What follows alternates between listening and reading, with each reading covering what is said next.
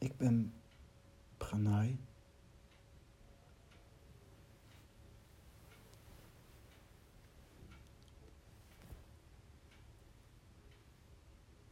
Gisteren was ik begonnen met de aforismen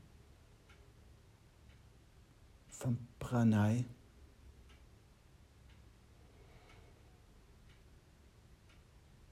En ik zette uiteen de eerste sutras, de eerste aforismen.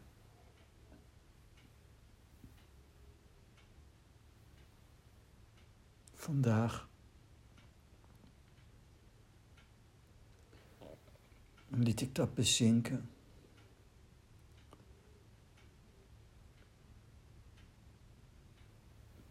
En er voelde iets niet lekker.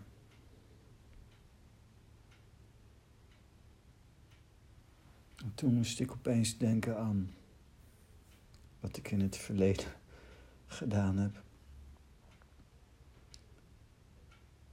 In het kader, in het verlengde van mijn klooster, mijn droom, ben ik bezig geweest een lange tijd om me te verdiepen in de regels van de monnik.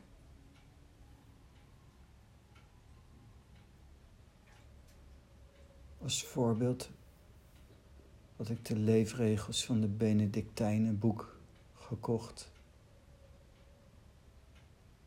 Wat Benedictus heeft gemaakt. Heel mooi. En na een langere tijd bezig zijn met wat voor regels zouden er moeten zijn voor mijn klooster. kwam ik tot de conclusie dat het totaal absurd is. En krankzinnig zelfs. Om in een tantrisch zenklooster regels te hebben.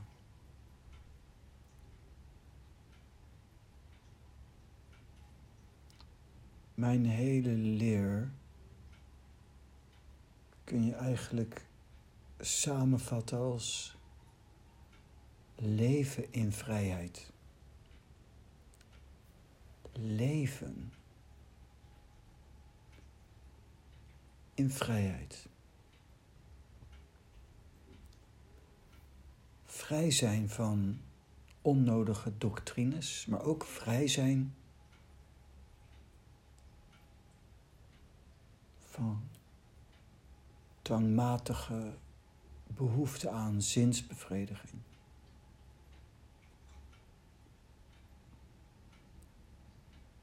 Verlangen naar zintuigelijk genot.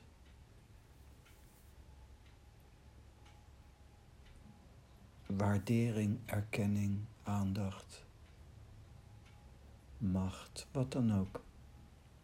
Gewoon zijn.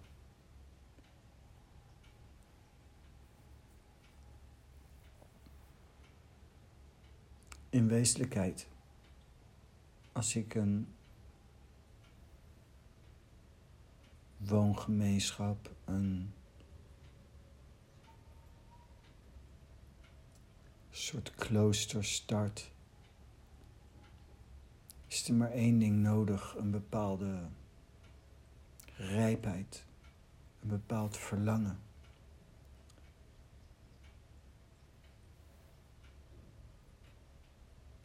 Om bewust te zijn, te leven in aandacht. Een kloosterleven ga je leiden omdat je meditatief wilt zijn in de vorm.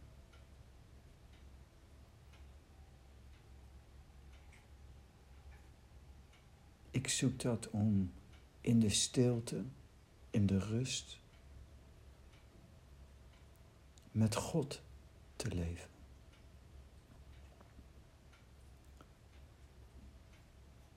En dat wil je of dat wil je niet.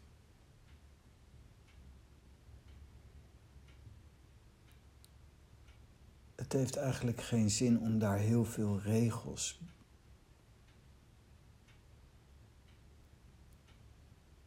in te zetten voor de monniken en nonnen.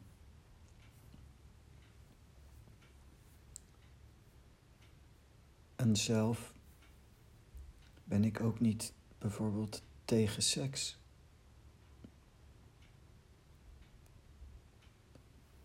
In wezenlijkheid tantra. Het is een heel mooi iets om zonder druk, zonder onderdrukken,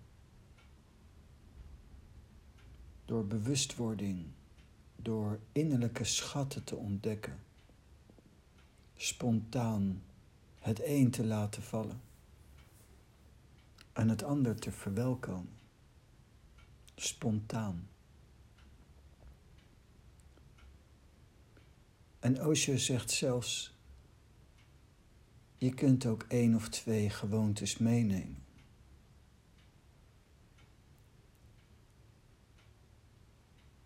Je kunt eigenlijk van alles genieten als het je maar niet van God afhoudt.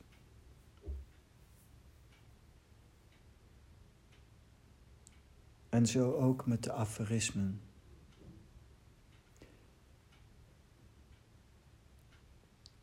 Ik leef met Osho. Ik ben een Osho Sannyasin.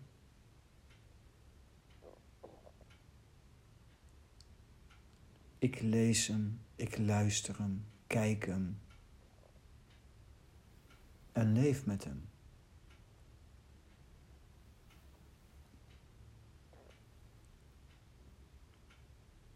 Dat is het hemelse.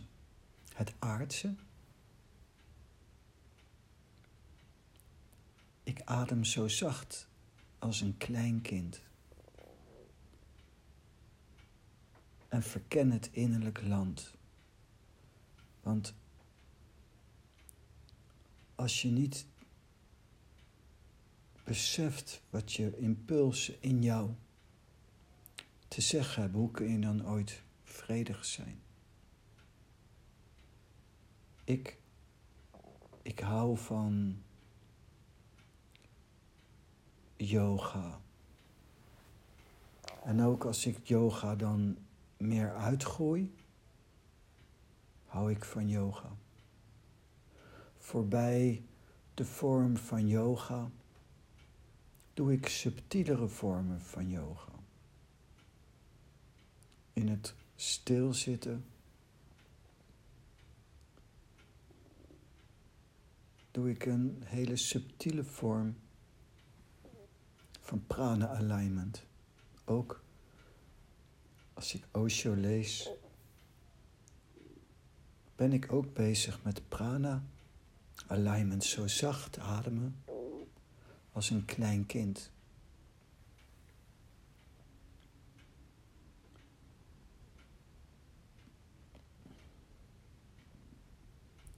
Er is geen korte weg. Er is geen korte weg. Dingen moeten rijpen. En als je ze niet laat rijpen, dan is het niet voltooid. Dan is het niet een proces, niet op zijn einde. En als het van binnen nog niet gerijpt is en je faked, dan is dat faken in mijn ogen van geen waarde. Je bent wie je bent.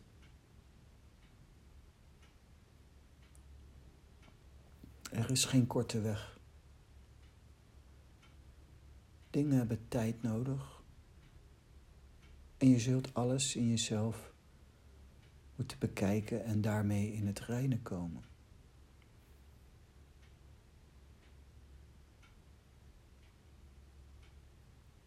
Wat ik vaak zie bij mensen die spiritueel bezig zijn.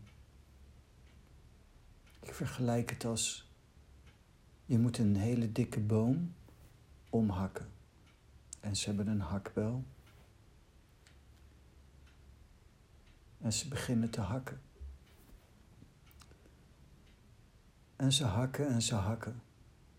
En op een gegeven moment is er best wel heel veel van die boom al weggehakt.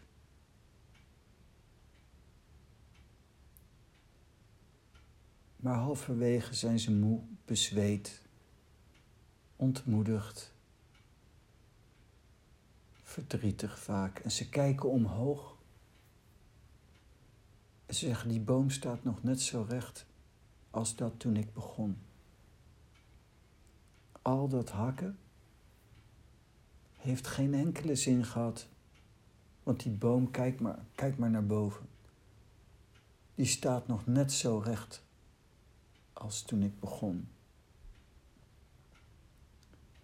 Maar wat je vergeet is, dat je wel eens al bijna op zijn eind kan zijn. Dat je al meer over de helft kan zijn. Maar dat het zo'n grens moet bereiken en dan valt die ineens om. Als je dat ziet, dat is helemaal aan het einde. Zelf heb ik ontdekt dat tot best wel een langere tijd in mijn leertijd ik ook niet het geloof kon hebben dat het ooit zou gebeuren. Dat je de vrede aanboort. Langere tijd heb je niet het gevoel dat het werkt. En je kunt maar één ding doen. Vooral doorgaan. Lao Tse zegt, je moet je oefening lief hebben. Maar ook de meester hoog hebben zitten. Ikzelf vertrouw Osho.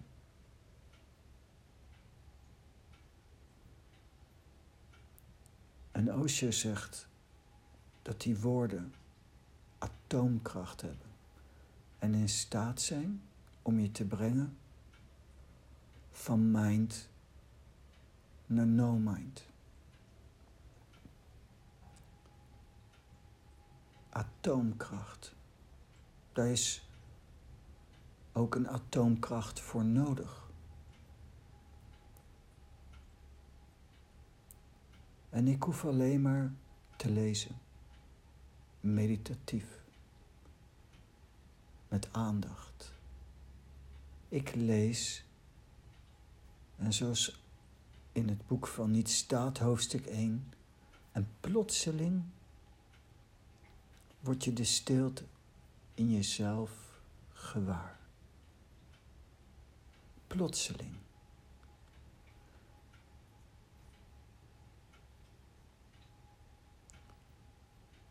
Toen ik vandaag de aforismen liet bezinken,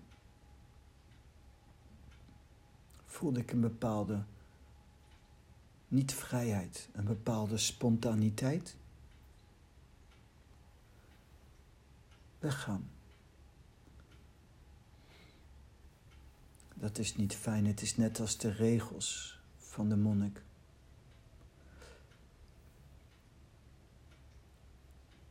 Het mooie is, ik hou van prana alignment. Ik hou van zacht ademen als een klein kind. Ik hou van mijn innerlijk land verkennen. En ik hou van Osho. En met deze twee componenten als eenheid werk ik. Lao Tse Osho.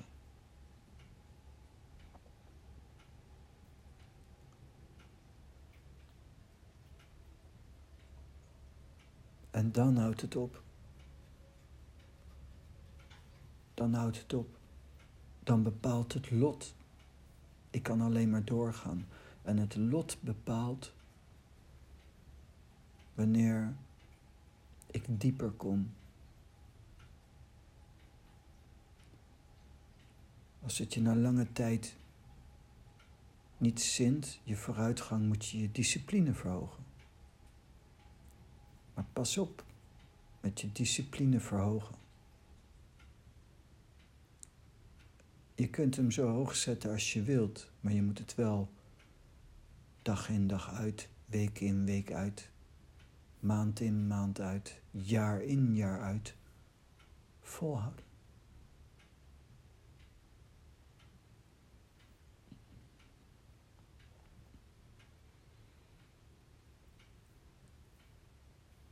Dus als uh, voorganger in de zin dat ik mijn proces deel, zeg ik dus na gisteren. Fok de aferisme. Ik wil leven in vrijheid. In vrijheid met Osho. In vrijheid met Lao Tse. Het innerlijke land verkennen. Prana alignment.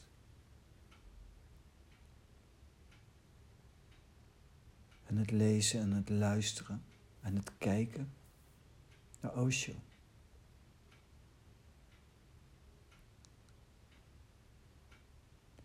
En dat wat er met mij gebeurt, delen. Dat doe ik. Delen.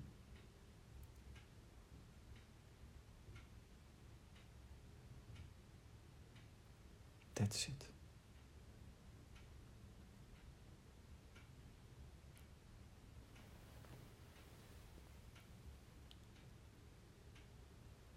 Om Pranaya Namah. Om Pranaya Namaha. Om Pranaya Namaha. Om Pranaya Namaha.